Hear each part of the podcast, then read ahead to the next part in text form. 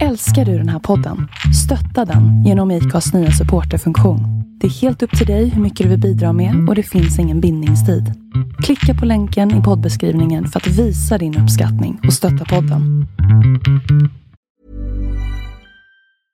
I'm Sandra, and I'm just the professional your small business was looking for. But you didn't hire me because you didn't use LinkedIn jobs. LinkedIn has professionals you can't find anywhere else, including those who aren't actively looking for a new job but might be open to the perfect role, like me. In a given month, over 70% of LinkedIn users don't visit other leading job sites. So if you're not looking on LinkedIn, you'll miss out on great candidates like Sandra. Start hiring professionals like a professional. Post your free job on linkedin.com/people today. Vi rullar. Va? Rullar du redan? Kör du? Vad vill du ha?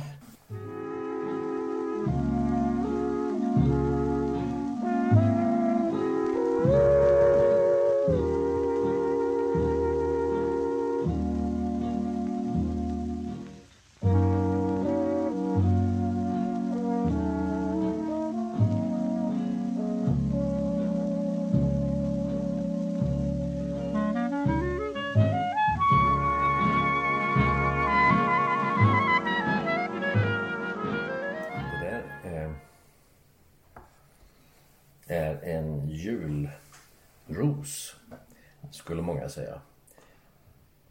Det du har framför dig. Men det är en julstjärna. Men det är en sån där eh, sanning som har bara blivit felaktig under alla år. Jag skulle säga julstjärna på en gång. Jag har aldrig Ja. talat om julros. Ser du det? gläder mig att höra. Eh, och det är, den är ganska vacker. Men de röda kronbladen är bara blad. Så det är alltså inte det som är blomman. Utan det är där lilla gula i mitten. Jaha. Ja.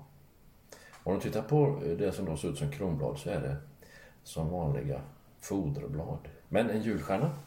Mycket vacker och mycket säsongsbetonad. I vanlig ordning så är jag ju inte så mycket för att datummärka våra poddar men nu är det i alla fall inte jul så mycket kan jag säga. Ja. De här är nog inköpta på någon sån här fyndlager typ av butik. Du, eh, eftersom du inte har hört talas om ordet julros. Nej. Det förvånar mig lite grann. Varför det? Julros, det är ju fullständigt självklart.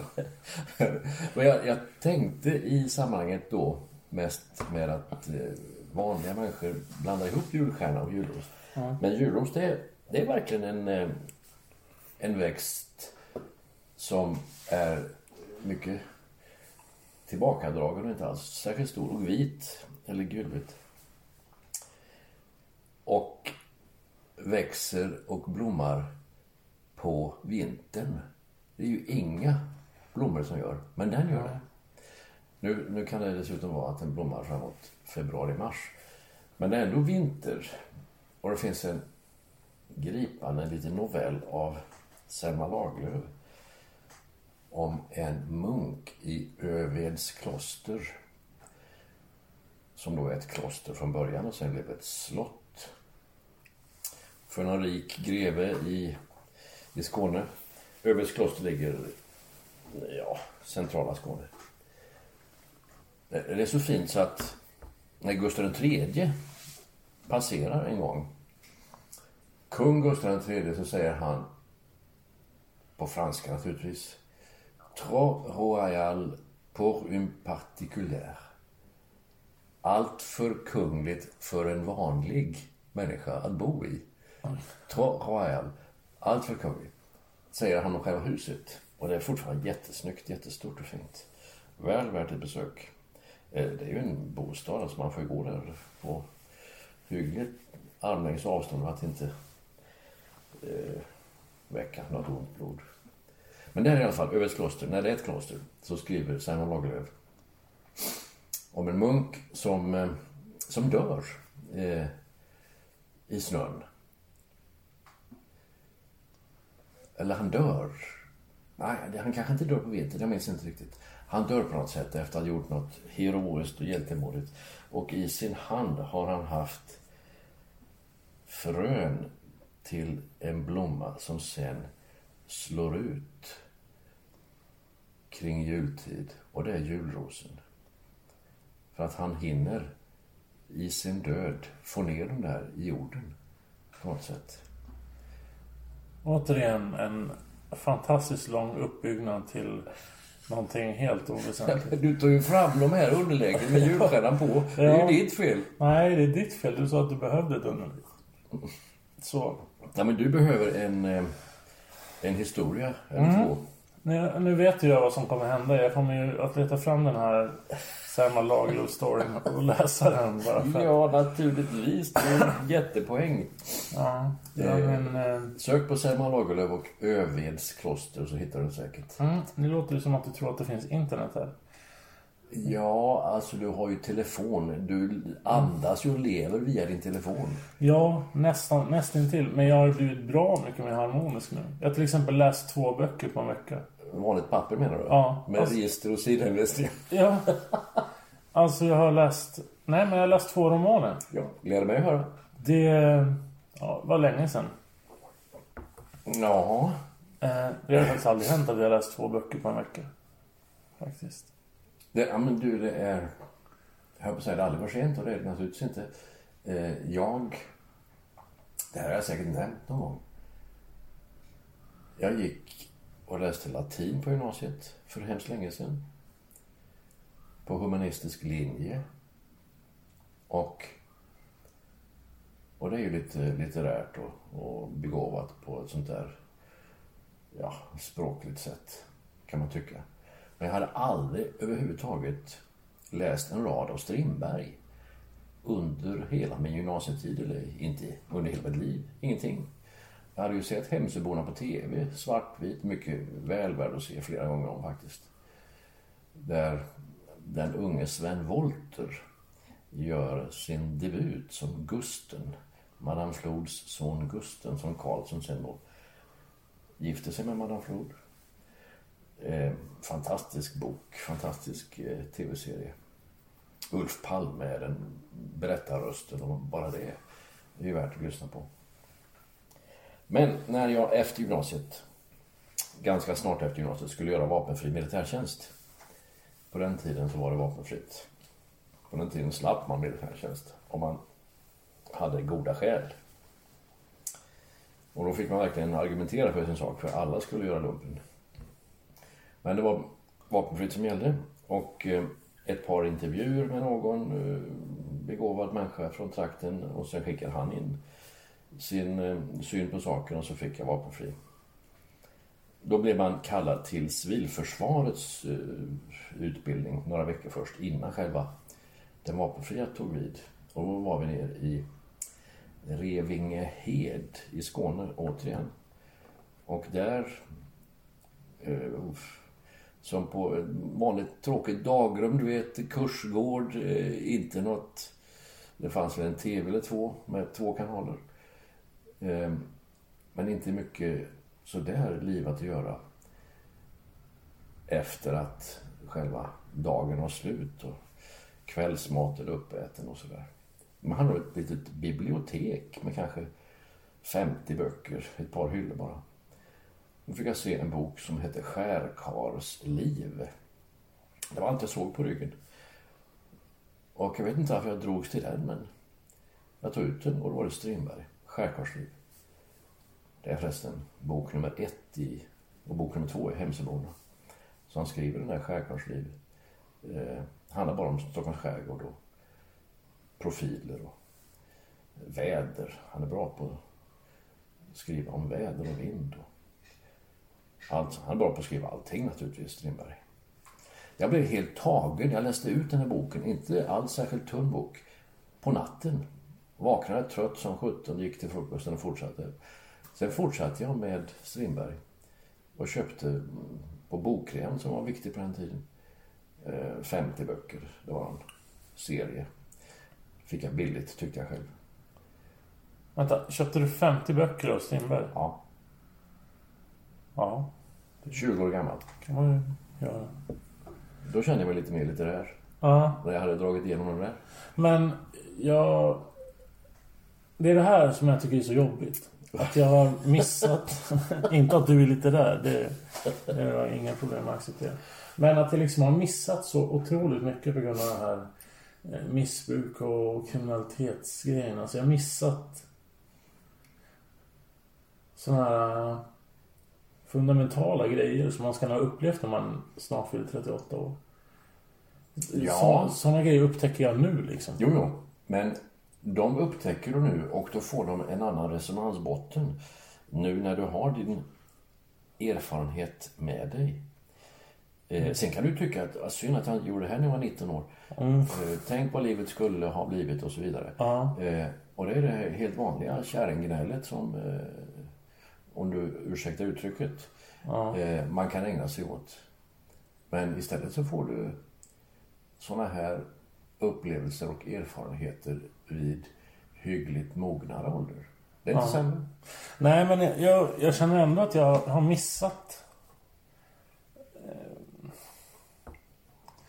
Alltså fund, fundamentala delar som jag nu upptäcker. Jag är tacksam att jag upptäcker dem nu.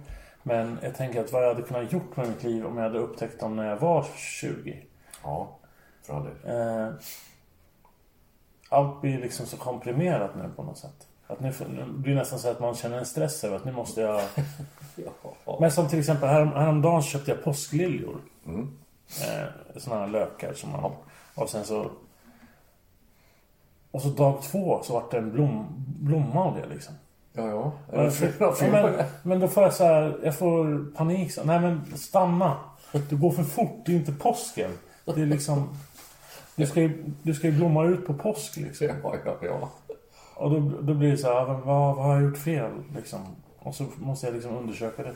Och det, så är det med många delar i mitt liv. Att jag känner att men det här, så, här går, så här ska det inte gå till liksom. Utan, och så måste jag liksom undersöka vad... Det, jag skulle säga att det är 50% av mitt liv. Att undersöka saker som händer som jag inte riktigt har grepp om. Liksom.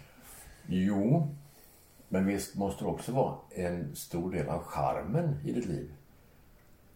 Alltså det blir verkligen som... Jag vet inte om du har sett, det finns en, en film med Adam Sandler och Drew Barrymore som heter 50 First Dates.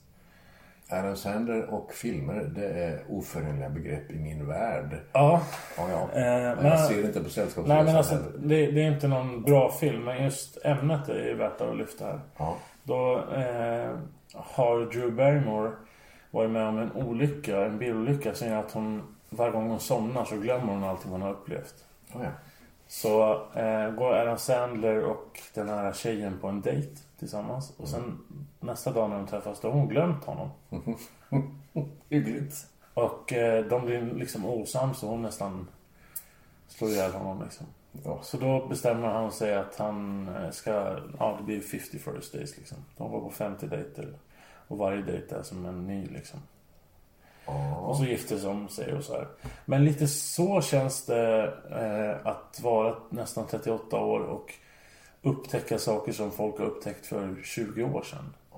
Ehm, som är i min ålder då. Och ehm, eh, det, det är ju, dels är det motiverande, jättekul att liksom kunna lära sig saker i den här åldern också. På något sätt. Eh, men det, ibland är det också frustrerande när man är i ett sällskap till exempel som som pratar om någonting som jag rimligen borde ha koll på. Men jag har inte det. Eh, Det, det kan jag ju relatera till och känna igen i. Eh, att då känner man ju en viss fattigdom. Mm. Oh ja. Men eh, det, å andra sidan så vägs det där upp av att jag...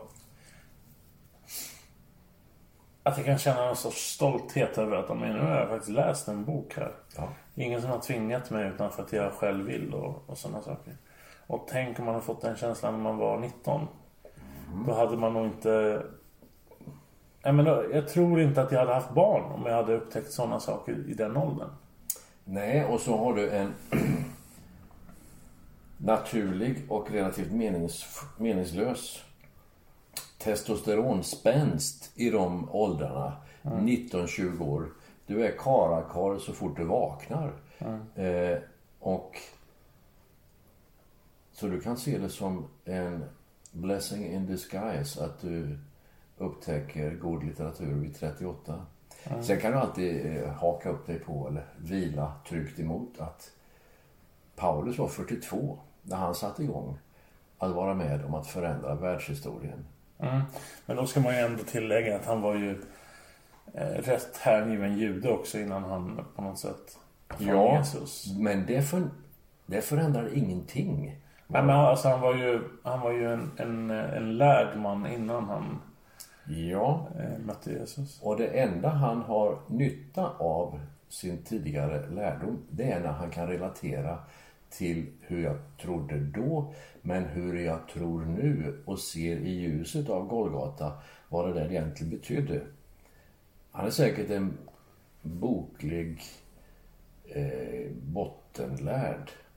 Ja, men alltså han... han, han, han eh, alltså, om han inte hade varit en, en beläst man när han blev kristen, då hade han inte blivit en personlighet som han har blivit för kristna människor. Nej, det tror jag. Eh, så att, eh, och det är det jag menar, att man kommer in i någonting med någon sorts bas.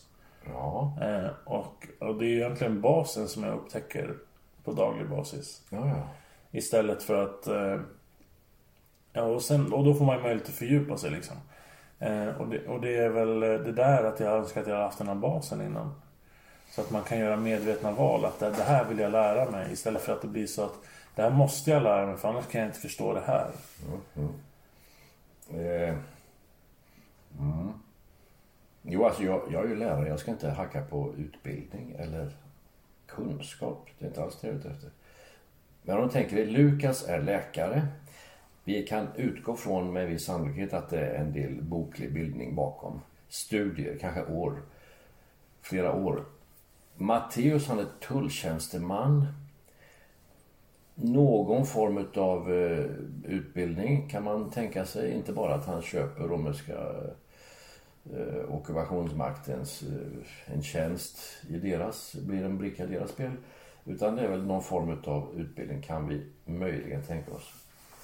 Eh, och det påverkar det sättet de skriver på. Lukas har för övrigt skrivit mest i hela Nya Testamentet. Alltså i verser räknat. Både Lukas evangelium och Apostlagärningarna är mer verser än Paulus 13 brev. Ja, så får man ju tänka sig att han skrev många av Paulus brev också. Eh, Du får tänka vad du vill. Står det Paulus så är det Paulus. Ja, jo, men låt oss Ja, bli underhållna av tanken att Lukas gjorde rätt mycket jobb för Paulus. kan nog tänkas. Alltså, det jag vill komma till är Petrus, kan han ens läsa och skriva? Ja, det kan ju alla judiska pojkar. Men det är inte mycket utbildning där och dessutom kommer han ifrån Tjotahejti, alltså Galileen. Han kommer ifrån Vischan och eh, är med och förändrar världen. Mm. Nej, jag menar inte på något sätt att liksom undervärdera de erfarenheter jag har som andra människor inte har i min ålder. Eh, Det är bara just det hänseendet. Alltså att upptäcka litteratur Ja. är ju ett sätt att eh, få rum med sina tankar på något sätt. Att skapa ett Ja. eget rum för, för Yes. sin fantasi och för sina tankar. Utan tvekan. Och att gått eh, så när 40 år utan att få göra det. Eh, jag tror att livet hade kanske varit enklare om man hade fått göra det. Ja, ja. Det är Kanske, kanske, inte rent, eh, kanske inte rent fysiskt men ändå... Eh, ja men jag tror att de som lider av mycket psykisk ohälsa saknar ett sånt rum tror jag. En bra formulerad. Litteraturen ger rum för dina tankar. Eh, väl formulerat. Men din mor och far var inga litterära storheter. Nej. Läste tidningen men inte mycket mer. Men alltså min, eh, min pappa var ju, han var ju beläst. Han tog ju gymnasieex... Alltså han var ju hämtad med buss från Finland för att jobba på Scania. Ja, ja. Och på dagarna så hon på Scania och så på kvällarna när alla andra finnar söp. ja. Då tog han gymnasieexamen Du, det är inte dåligt. eh, och blev mekaniker. Det är inte dåligt. Och sen eh, facklig och sen politiker och så. Att han hade ju definitivt det. Och det är väl från, från honom jag eh, har något sorts litterärt intresse också. jag. Ja. Men min mamma hon eh, köpte ju alla möjliga böcker. Eh, och jag har aldrig sett henne läsa en bok. Eh, Ja, jag menar bara köpa dem är ett steg i rätt riktning. Ja, men jag tror att det- det handlade om så här att förmedla någon sorts bild av vem... Vem hon tänkte att folk ville att hon skulle vara. Ja, ja. Men du, det är ens ursprung eller omhuldade barnaskap och tillvaro när man är ung och blir vuxen är ju en jättegod början men ingen garanti för hur det sen blir. Jag har en en eh, bekant, inte god vän på det sättet för han är tillräckligt mycket yngre än jag för att vi inte ska ha umgåtts i unga år. Föräldrar, stabila, trogna, på gränsen till tråkiga. Lärare båda två. En viss frikyrklighet med i bilden fast inte lika aktiv på det sättet. Aktiv frikyrklighet, har du förstått vad jag menar? Och han växte upp under de förutsättningarna. Och har sedan senare tonåren åtminstone varit en tung narkoman. Det är fråga om tyngsta av det tyngsta. I den mån han ens lever nu. Jag är inte säker på det. Nej, alltså in, ingenting kommer med garantier på något sätt. Men ju mer fallskärmar du har, ju större risk är Ja. att du överlever. Det är riktigt. På något sånt på det sätt liksom. Och sen finns det ju eh, ett, titta på ett tv-program häromdagen med en, en tjej som heter Parisa Amiri. Ja. Upp, uppväxt i, eh, i de värsta förorterna i Stockholm. Eh, eh, invandrare från Iran. Eh, Är hon inte kurd? Ah, ja, förlåt. Fortsätt. Ja, men därifrån den Ja. regionen åtminstone. Ehm, och var, blev väl så här chefredaktör för en tidning när hon var 24 liksom. Och, och liksom varit målmedveten hela tiden. Hon hade när som helst kunnat bara fucka ur och blivit missbrukare och, och, och eh, gravid när hon var 13 och precis som alla andra ute i förorten liksom. Utan att generalisera för mycket Utan att generalisera. ja, för mycket. Eh, för det är ju verkligen det som händer. I de allra flesta fall. Antingen rent kulturellt eller som en produkt av platsen man lever på. Mm. Eh, men är liksom, eh, fyller 30 snart och har liksom gjort allting som, som, som vuxna framgångsrika affärsmän gör när de är 60. Ja. Imponerande på... Så att, så att det, man, det, man får... Alltså man kan, man kan antingen nöja sig med den hand som man är given. Eller så gör man det bästa man kan göra med den handen som man är given. Och jag tror att ma- majoriteten accepterar bara så att det- det här har jag fått. Och nu får jag väl liksom förvalta det. Mm. Eller så har man en drivkraft som Paris Amiri och Gina Dirawi och Mm. alla de här. De har ju, har ju någonting speciellt som gör att de är otroligt drivna liksom i allting. Mm. Ja, det ligger nära till hands med de tre pund, de tre talenterna. I, I en liknelse av Jesus. De tre tjänarna får fem, tre och en talent. Eller om det är tio, fem, jag minns inte vilket.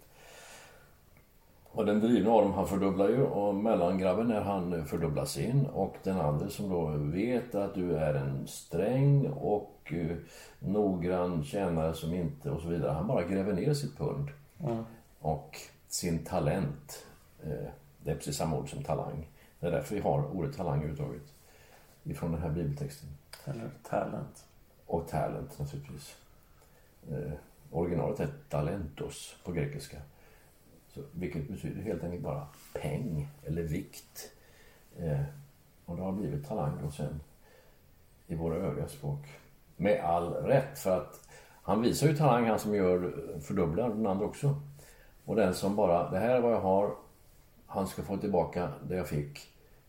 Han, han eh, blir ju utskälld. Han får väl en örfil och jag vet inte vad. Eh, nu är det bara en liknelse men det är en liknelse som vem som helst begriper bara man hör den. Ja, lite så här så dina frön och istället för att spara dina frön. Ja, ja, ja. Och sådär. Det, det, det är ingen ny tanke på något sätt. Men jag tycker ändå att det är otroligt imponerande när en, och framförallt en, en ung kvinna i den typen av kultur som det ändå är. Ja, ja, ja. Eh, alltså, jag, ibland får jag känslan av att kulturerna alltså, i förorterna är starkare än vad de är i deras hemland. Ja, men det blir så. Eh, och i, då är det ännu mer imponerande. Och det finns ju otaliga sådana exempel i Södertälje. Syrianer som deras bröder var de värsta kriminella i stan. Mm. Och systrarna eh, gick ut sen med 4,8, 5,0 i, i betyg liksom, på gymnasiet. För att, eh, för att de ville någonstans. De ville inte vara där. Mm. De ser vad de har och framförallt vad mamman har och har haft. Och vill göra något. Men då är det rätt land har kommit till. Eller rätt del av världen. För att här är ju kvinnor inte bara uppmuntrade att, utan har all möjlighet i världen att göra någonting av sina personliga liv. Du ska få ett exempel till som är nästan ännu bättre. Du känner inte till Gunilla von Platen. Von Platen är väl Motala? Ja, Baltzar von Platen byggde ju, byggde ju Göta kanal som började där och slutade på något sätt. Eh, jo då, det är ett ganska fint gammalt eh, adligt namn. Gunilla von Platen. Hon är gift von Platen. Eh, gift med en, ja, det kanske baron eller friherre eller någon sån där. Det är alltså Baltzar von Platen nummer två. Inte kanalbyggaren utan han, han gjorde andra saker. Baltzar von Platen nummer två. Det är hennes mans farfar. Baltzar nummer två, han eh, uppfann kylskåpet. Kan du tänka dig? Nu talar vi om eh, att förändra världen. och, eh, och sen köpte Axel Wennergren det där och det blev Electrolux och, och så där vidare. Eh, han blev inte särskilt rik på det där men han har ju ett namn om sig i alla fall. Denna Gunilla von Platen. Hon föddes förstås inte i Sverige utan i Turkiet, i den kurdiska delen. Hon var kurd, eller som det heter i Turkiet, hon var bergsturk. Eh, Det är knappt de vill säga ordet kurd. Hon hette Gunilla och var född i... Ja, då hette hon Gunnel eller något sånt där med ett turkiskt YU Y, U med två prickar eller tre eller vad det kan vara. Eh, Och ett helt vanligt kurdiskt flicknamn. Och så heter hon någonting eh, Alsi eller så. Eh, Men de byter namn, familjen, när de kommer till Sverige.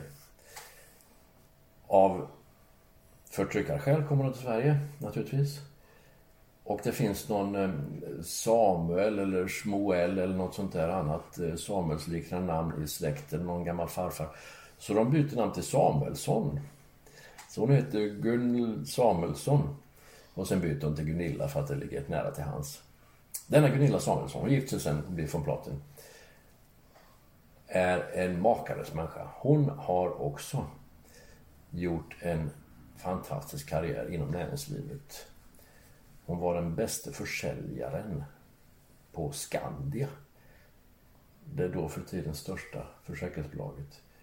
Och blev chef hit eller dit, startade företag. Eh, ett företag som hon sen sålde som nu då har 24 000 anställda eller något sånt där över hela världen. Det är hennes verk. Hon har blivit riksmetral naturligtvis. Och har dessutom, nu blir det lite svårt för alla kvinnor som är framgångsrika här. För någon gång i livet så tickar den biologiska klockan extra mycket. Och då kanske de just har nästa steg på karriären att ta. Och så vill de också samtidigt bli mammor. Det slipper du och jag tänka på. Men det förändrar deras liv inifrån och ut. Inte bara svåra nio månader utan resten av livet så är man mamma. Detta förutom så hinner hon föda fyra barn. Det gör det hela ännu mer imponerande. Och nu är hon eh, eh, fågelfri på sitt sätt och har startat en stiftelse som heter 100% där allt, det är alltså eh, altruistisk människobiståndsliknande. Och ingen overhead. Ingen administrationskostnad. Noll procent administrationskostnad. Därför heter stiftelsen 100 procent. det är Sven Hagströmer och andra rikemän i Stockholm som hon har lyckats få med i den här stiftelsen. De har säkert en bra hacka eh, att röra sig med. Det är sannolikt så. Det är inte Bill Gates-nivå, det är inte det va, men det är ändå en, en stiftelse som då kan göra viss nytta och den nästan redan färdiga fysiska beviset på nytta är ett barnhem strax utanför Damaskus. Eh, som hon har låtit bygga och det är nästan färdigt nu. För föräldralösa barn som har förlorat sina föräldrar, morföräldrar och allt möjligt i det syriska inbördeskriget. 50-100 sängplatser, jag, jag minns inte riktigt. Och det där ville hon göra så att hon tog kontakt med en biståndsorganisation. En icke-kyrklig. Det är lättast så på något sätt. Och då så fick hon ett eh, anbud, ett bud. Det här kan vi göra åt dig och det kommer att kosta 23 miljoner svenska kronor att få det färdigt. Ett, en offert helt enkelt. Hon vill ha det på sitt näringslivssätt för att hon tänker och opererar på sådana villkor. Men så tar hon ju själv och på sin arabiska förhandlar med folk på platsen och är nere på 9 miljoner sammanlagt, eller något sånt där. Någonting helt, en helt annan siffra än den svenska. Eh, dagbidrag och du vet, alltså eh, löner hit och dit på ett svenskt sätt. Hon kör den arabiska, lite vid sidan av-stilen och får det då till mindre än hälften och det är snart färdigt. Och betalat och klart. Och naturligtvis så är eh, patriarken i Damaskus med på ett hörn här. För att eh, det, det ska ha Guds välsignelse. Den saken är klar. Jag tänker att eh, anledningen till att det varit så dyrt med svenska är att de förmodligen använder samma personal som hon gick direkt till. Ja. Det, hon visste genvägarna och kunde dessutom kommunicera på deras eget språk. Mm. Inte via någon tolk som pratar halvtaskig engelska och arabiska utan... Mm. Ja. Nej, det är imponerande. Det finns många imponerande kvinnor i, i, i, i, i svensk historia. Vi har pratat om, om dem tidigare i ja. någon podd. Och eh, i, i hennes fall så finns det en annan liten ingrediens som inte är oviktig alls för tjejer med, ifrån dessa delar av världen. Hon får göra en brytning, ganska radikal brytning, känslomässigt svår brytning med sin mamma och pappa för att hon vill inte vara som de förväntar sig att hon ska. Det vill säga gift vid 18 års ålder och mamma till tre barn vid 21. Eh, utan hon vill göra det här och kan göra det. Men då får hon betala med att hon blir förskjuten under rätt lång tid faktiskt. Nu har det där rätt upp sig rätt ordentligt. Och det första som händer är att ingenting på huvudet. Hon ska sätta upp håret, kamma sig, permanenta, färga, allt som hon själv vill. Det är en rätt stor sak. Så att den där slöjan, som vi återkommer till ungefär hundra gånger i den här podden, den väger ton. Och du har ingen slöja på Gina Dirawi, Amira. Parisa menar jag, inte Amira. Parisa. Eh, för att det låter sig inte riktigt göras mm. när de har representationen av det 1400 år gamla förtrycket. När jag minns tillbaka till eh, min eh, ungdom i Södertälje eh, var det naturligtvis mycket assyrier där. Och mycket syrianer och sådär. Men jag kan inte för mitt liv minnas att jag såg någon med, med hijab eller...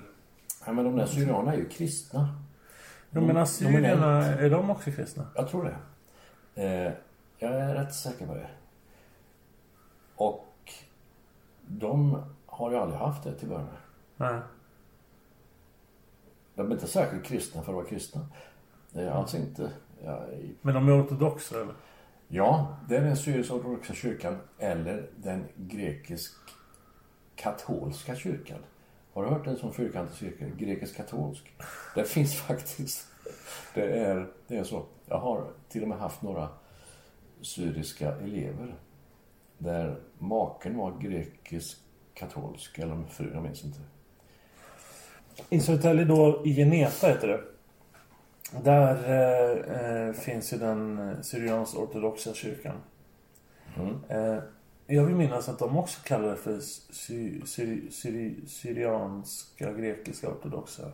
Ja. Att de bakar in grekiska där också. ja, det är fullt tänkbart. Fullt tänkbart. Eh, och vi har ju haft sådana begravningar här i, i, i Lövstakyrkan också. Ja. Och det, det, är, det är den mest underliga verksamhet jag någonsin har sett Ja, tror jag. det är håll igång. Och då tycker jag att jag har sett ganska skumma verksamheter. Men det där var ju... Folk gick in och ut och tog en kaffe emellan och rökte och sen gick de in igen och... Och sen höll det på i ett halvår eller något sånt där. Nej men de hade kanske... Per gubbe som hade gått bort alltså hade man kanske fyra samlingar eller någonting sånt där. Det är jobbigt att dö då. Eller Det, jobbigt för det är nästan lika avancerat att gifta sig. Eh, För det är så pass viktigt i de där kvarteren. Vi spelade i mitt irländska band på en syrisk, eh, på ett syriskt bröllop.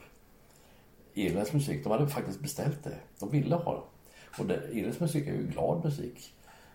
Och vi spelade för allt vad tygen höll. Det var jättekul.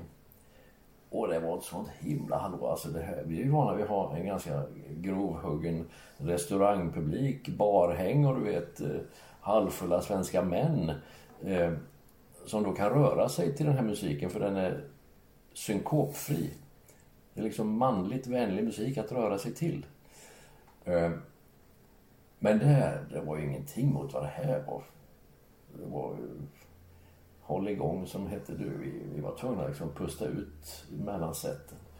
Bara gå bakom scenen och... Jag var ju på några sådana syrianska bröllop. Det är ju sådana grejer som varar i sju dagar. Och eh, då tänker man ju så här som finne är man rätt härdad så. Men nej, där hade man inte en chans. Däremot så festas inte så otroligt mycket däremellan. Men när det är bröllop då är det liksom, spelar det ingen roll vilken ålder det är. Det är liksom hela natten i sju dagar. Mm. Och eh, ja, och sen är det begravningarna, speciellt om det är yngre människor som dör. Så är det korteger Ja, ja, och ja, ja. alla möjliga. Det är klart. Eh, Det har vi upplevt i Södertälje också. De hyrde alltså hela Scania-rinken som tar 6000 pers. Och fyllde den med. Eh, jag tror det var, det var några killar som dog i en minibuss som var på en volleybollturnering. Oj då. Eh, då utlöste de väl någon sorts sorge, sorge, sorgedag i Södertälje. Mm. Och sen så hade de en, från Ronna då till Scania-rinken som ligger bortom Feneta. Hade man då en kortege med fyra stycken sådana bilar som körde. Ja, jättestort. Ja, då är det mycket att sörja. Mm. Det hade ju nog inte hänt i någon annan stad. Om det inte hade varit så att de var en så stor del av, av allting i Södertälje. Ja. För lika mycket kriminella som det finns, lika mycket finns det framstående entreprenörer, politiker, höga beslutsfattare som också är syrianer. Så, och det kommer ju sällan fram. Utan det låter ju som att det bara är en, ett gäng dumhuvuden som är syrianer. Liksom. Men det är... I Södertälje finns en baptistkyrka. Eh, 60-tals arkitektur. Ganska vacker. Eh, med en vit, mycket dålig flygel. Eh, som står längst fram. Och den där baptistkyrkan är ju som i stort sett alla baptistkyrkor i hela Sverige. Utom Motalas. På väg att säcka ihop och dö. Det är så. Det är inte kul att säga det, men det är så. Men de har ett, eller hade, jag vet inte om den är nedlagd nu eh, formellt, den där baptistkyrkan, det är tänkbart den är det. De hade i alla fall, och kanske fortfarande har, ett ganska spännande arbete. Och då är det bara syrianer som står för tillväxten. Mm. För då har man så att säga velat ha kontakt med, släppt in, eh, utverkat eh, och verksamhet och sådär. Så att de fattiga baptisterna som är kvar, det är ju en miniatyrisk minoritet. Men spänsten är från syrianerna. Ja. Nej, det är, Södertälje har mycket att tacka Syrianerna för. Ja. Det hade aldrig vuxit som, som stad på gott och ont.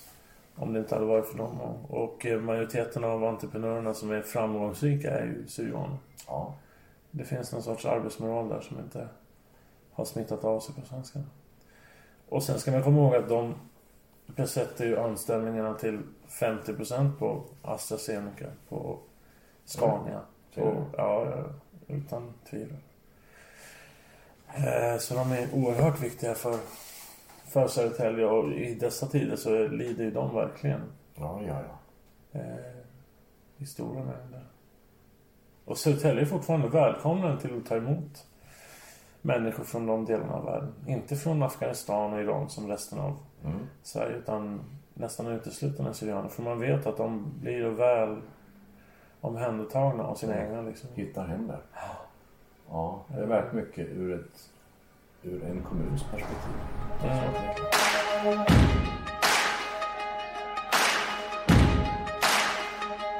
Why you ever chose me has always been a mystery. All my life I've been told I belong at the end of the line with all the other not quite, with all the never get it right. But looking Har sagt det så? Vi har inte sagt ett ord om corona. Nej, Det är rätt skönt. lite medvetet också. Ja, ja. Jag är så otroligt trött på det där. ja, ja. Men äh, vi ska inte fortsätta Nej. på något coronaspår. Är bara komma att tänka på det just nu. Ja. Men det är rätt skönt också att kunna koppla bort det. Ja, ja, ja. För det finns ju verkligen överallt. Nu pratar vi om det ändå. Säg något roligt. Nej, jag kan inte säga något roligt. Eh, jag tillhör ju de som kan dra en rolig historia och inte höja rösten och inte låtsas som att det är en rolig historia och inte le och inte någonting. Jag kan ju låta ungefär som jag låter nu. Av eh, ett enda skäl. Eh, Dels för att jag inte är så rolig. Jag kan ju skratta åt en rolig historia, utan tvekan. Eh, Men inte när jag berättar den själv. För att... Jag vet inte hur det kommer sig, men innehållet ska tala för sig själv. Jag, Ja. fick, jag ska få en rolig historia. Men nu sa du det innan. Ja, den är inte min, jag har bara hört den. Den är på gränsen. Bara så du vet. Inte för dig, men för våra poddlyssnare. Tack. Ja. Jag hade, jag hade en bosnisk elev för 25 år sedan. En kvinna, änka. Hon gick på komvux och läste svenska för invandrare. Hennes son, som var kanske 19 år gammal, gick också fast i en annan klass. Jättetrevlig son. Mycket trevlig kvinna. Och ehm, så hade, mellan två lektioner så stannade hon kvar lite grann och det var några andra som också stannade kvar. Och så frågade hon mig Lärare, jag måste fråga. Och sen, ja okej, sa jag. Och sen slog hon i ett svensk serbokratiskt lexikon efter ett ord. Och eh, så hittade hon det. Skogvakter.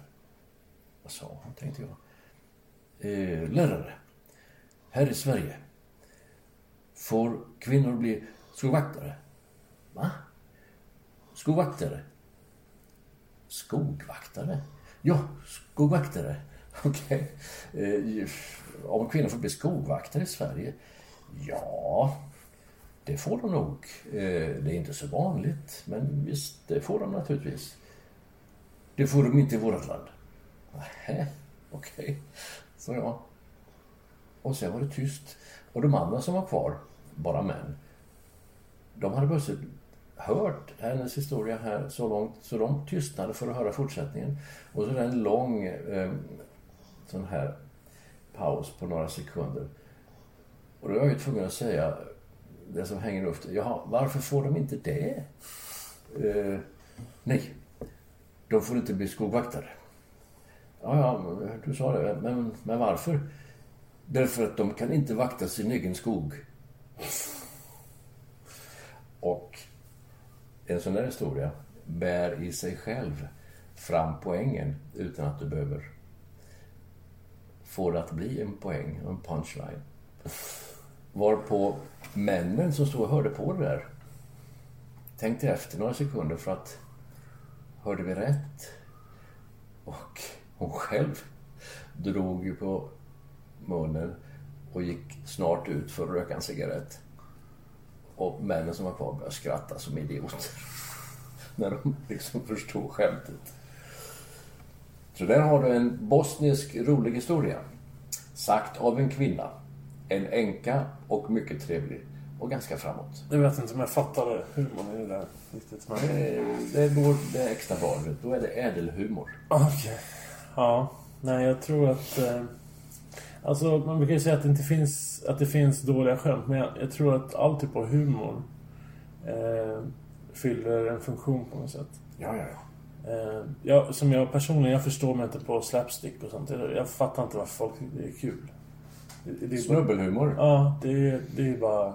Du, alltså det är ju den mest primitiva och den mest omedelbara och den roligaste man kan tänka sig. Men jag, jag börjar förstå lite grann så här, Jag är intresserad för Papphammar. Ja.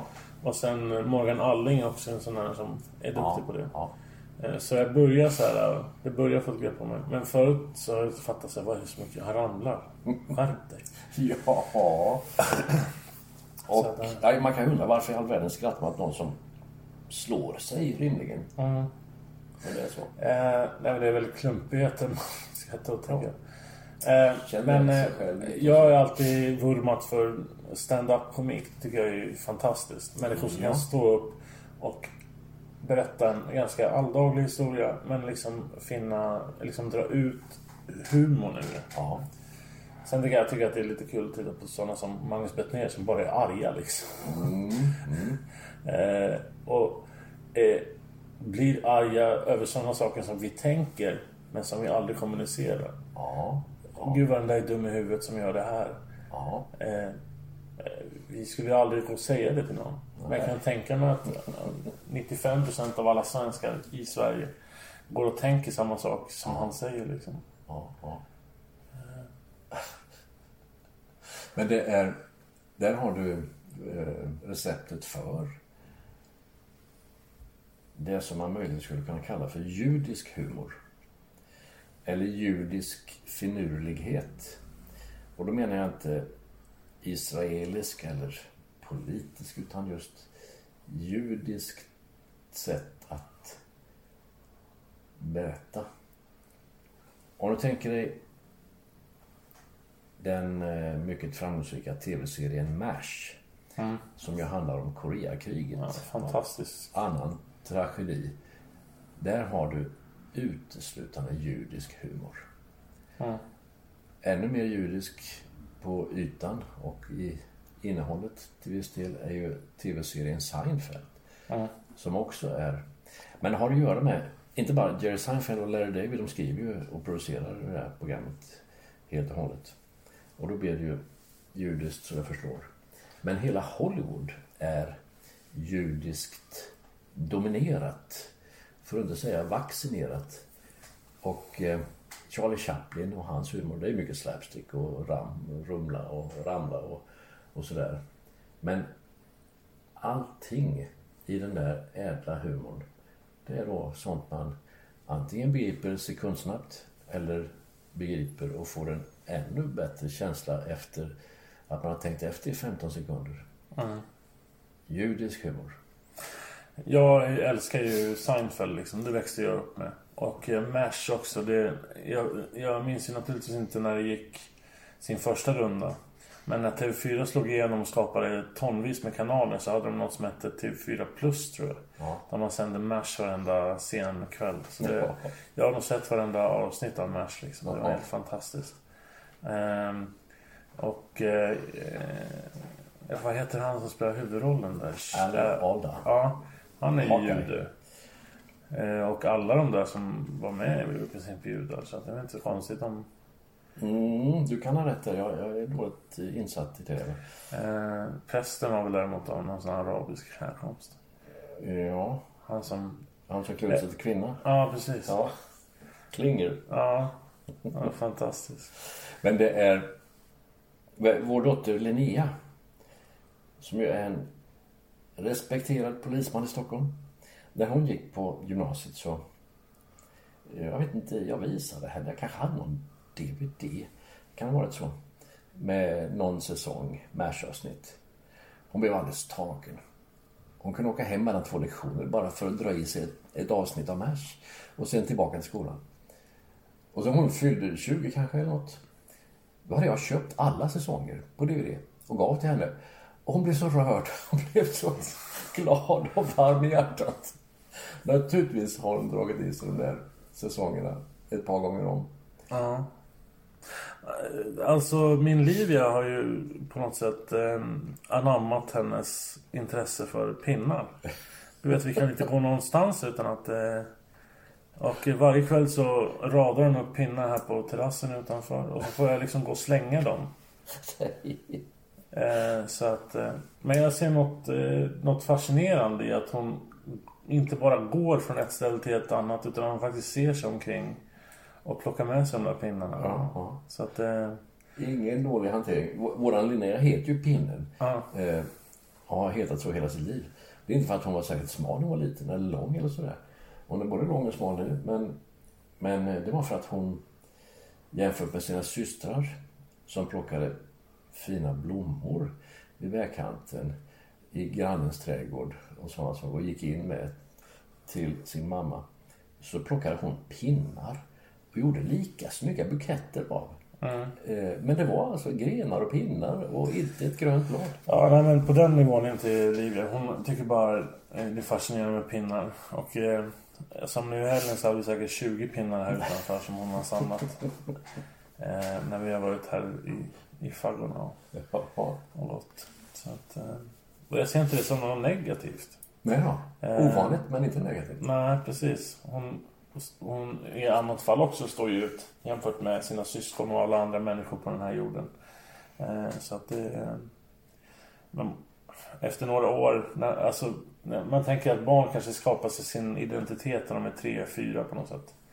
Och nu är de, fyller hon i sju då i höst. Så under de tre, fyra, fyra senaste åren så har hon ju liksom byggt upp en alldeles egen karaktär som inte är i närheten av sina syskon. Vet inte var det kommer ifrån och sådär men... Nej, det behöver du inte veta. Det är bara kul att se det och välkomna det beteendet. Men de, de andra barnen kan de på något sätt se att ja, men där är från mig och det där är från deras mamma. Och, och, eh, eh, men i henne så är det, det är som att det är en utomjording. Det är dags att summera. Eller inte summera. Att slutorda. Innan du ska slutorda säga så här. Jag lyssnade på en... en Ska jag slutorda? Ja, du ska slutorda. Jag Okej, kan okej. fundera medan jag berättar det här. Jag lyssnade på um, en radiodokumentär om eh, Zimbabwe. Robert. Mugabe? Mm. Och blev ju hänförd av den storyn. Alltså, han är inlåst i fängelse för att han är en frihetskämpe liksom. Får eh, grejer skickade från Sverige. Det kan du tro. Han var väldigt väl sedd här. Ja, eh, Per Westerberg Ja. och han var goda vänner. Yes. Eh, och eh, kallade honom för Bob. Så de fattade inte ens att det var han som var Robert Mugabe förrän... För han hade liksom varit Bob för dem. Och hans fru Eh, var ju eh, hos de här och, för, och var i Sverige och föreläste på skolor om, om Zimbabwe och, och sådär. Eh, och eh, när han kom till makten så berättade han, eller han ville liksom att de vita och de svarta skulle förenas och sådär. Men när man liksom lyssnar på den här dokumentären då får man liksom bilden av att det var bara en plan i hans strategi på något sätt. Att han ville att de vita skulle bygga upp farmar typ och bondgårdar. Som han sen skulle kunna ta ifrån dem på något sätt. Och slakta dem och sådär. Och han hade ju precis en Gunilla von Platen som fru. Ja, ja. Alltså efter att den här, vad hon hette, dog. Hon dog i någon cancer. Eller någonting sånt där. Så gifte han om sig med hans sekreterare. Ja, ja. Som var en sån fisförnäm liten... Och när Robert Mugabe skulle eh, kliva av och det var interna stridigheter i, i partiet och sådär. Då betalade man hans fru för att hon inte skulle ge sig in i den maktkampen. Okej. Vet, sådana där grejer är fascinerande. Hur, hur, och sen körde ju han Mugabe Zimbabwe i botten med... Ja. Eh, Totalt. ja, och tryckte upp sedlar så att Ja, det ja. inte... Det var... Dasspappret var mer värt än... Ja, märklig historia. Men fascinerande. Ja, den är märklig, men inte ovanlig. I Afrika söder om Sahara så är det där inte enda landet. Du kan, utav Afrikas 55 länder, eller 56, om du räknar in Sydsudan och Somaliland, så har du alltså ett par dussin liknande fall. Men hans är så ögonfallande Eh, för att han har gått ifrån frihetskämpe och vill allas väl och sådär till att bli ett stort svin. Mm. Typ Fidel Ja, var ju lite samma Ja. historia. jajamän. Men är det att makt korrumperar alla? Ja. Det, det, det är bara Du kan gå till den vänligaste frikyrka. Så hittar du det. Mm, ingen exempel slår mig sådär direkt men, eh, men du har säkert rätt teoretiskt. Ja men Knutby. Ja, där har du ett bra exempel men det är väl ungefär det enda jag kan tänka. Nej men alltså sen behöver inte den makten på något sätt eh, bli så att den förstör för alla andra som, som det är med diktatorer. Men en, en person som känner maktets rus på något Ja. sätt. Eh, Kan förstöra. I, ja, i det lilla liksom. Oh, ja. Och det, kan- det kan man ju se var som helst egentligen. Ja. Kanske till och med en orienteringsklubb. Så fick jag det sagt bara Ja, sådär i förbigående. Precis. Eh, hijab och orientering, är något som förekommer alldeles för ofta i den här podden. Du, vi har inte nämnt Mikael Jender heller. Nej. Så att det är mycket vi inte har nämnt. Mm. I den hebreiska bibeln, inte vårat gamla testament utan det hebreiska gamla testamentet, det är precis samma böcker. Fast de är lite annat ordnade. Våran slutar med Malaki, för att han är yngst liksom. Sist i raden, 400 f.Kr. Sen kommer det den tysta perioden då ingenting liksom händer. Ja, det brukar de hända, men inget skrivs om det på det sättet. Mellan Malaki och Nya Testamentet. Den brukar heta den tysta perioden. Eh, men det är ju inte tyst på något sätt. Den hebreiska bibeln slutar med Korint höll jag på att säga. Jag menar krönikeböckerna. Eh, Första och andra krönikebok.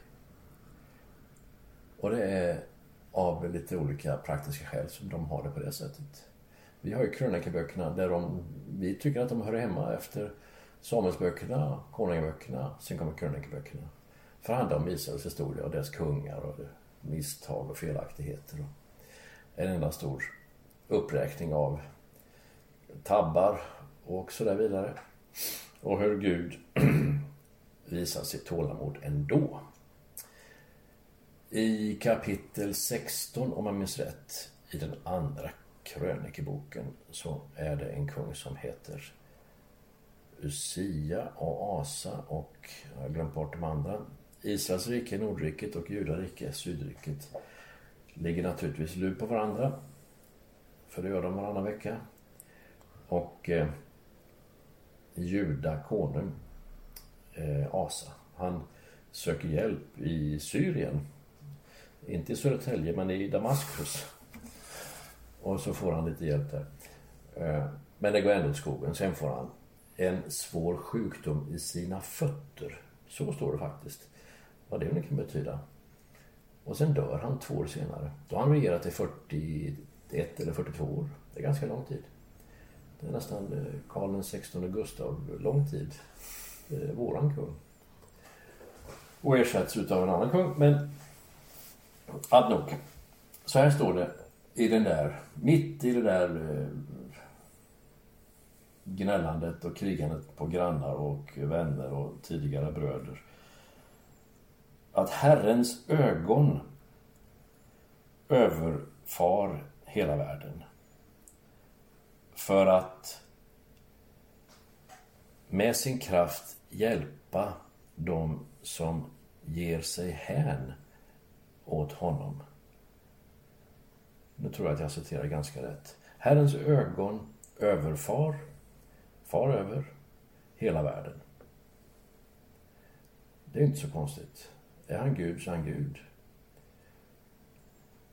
Men de gör det för att med sin kraft söker Herren hjälpa de som hänger sig, ger sig hän åt honom. Det är tunga ord. Ge sig hän, det betyder att vara mycket intresserad och ägna sin tid åt och du vet allt det där va. Att hänge sig åt något. I sina hjärtan, det glömde jag. Eh, de ska alltid ha med ett hjärtan eh, också. För att hjälpa dem som i sina hjärtan hänger sig åt Herren.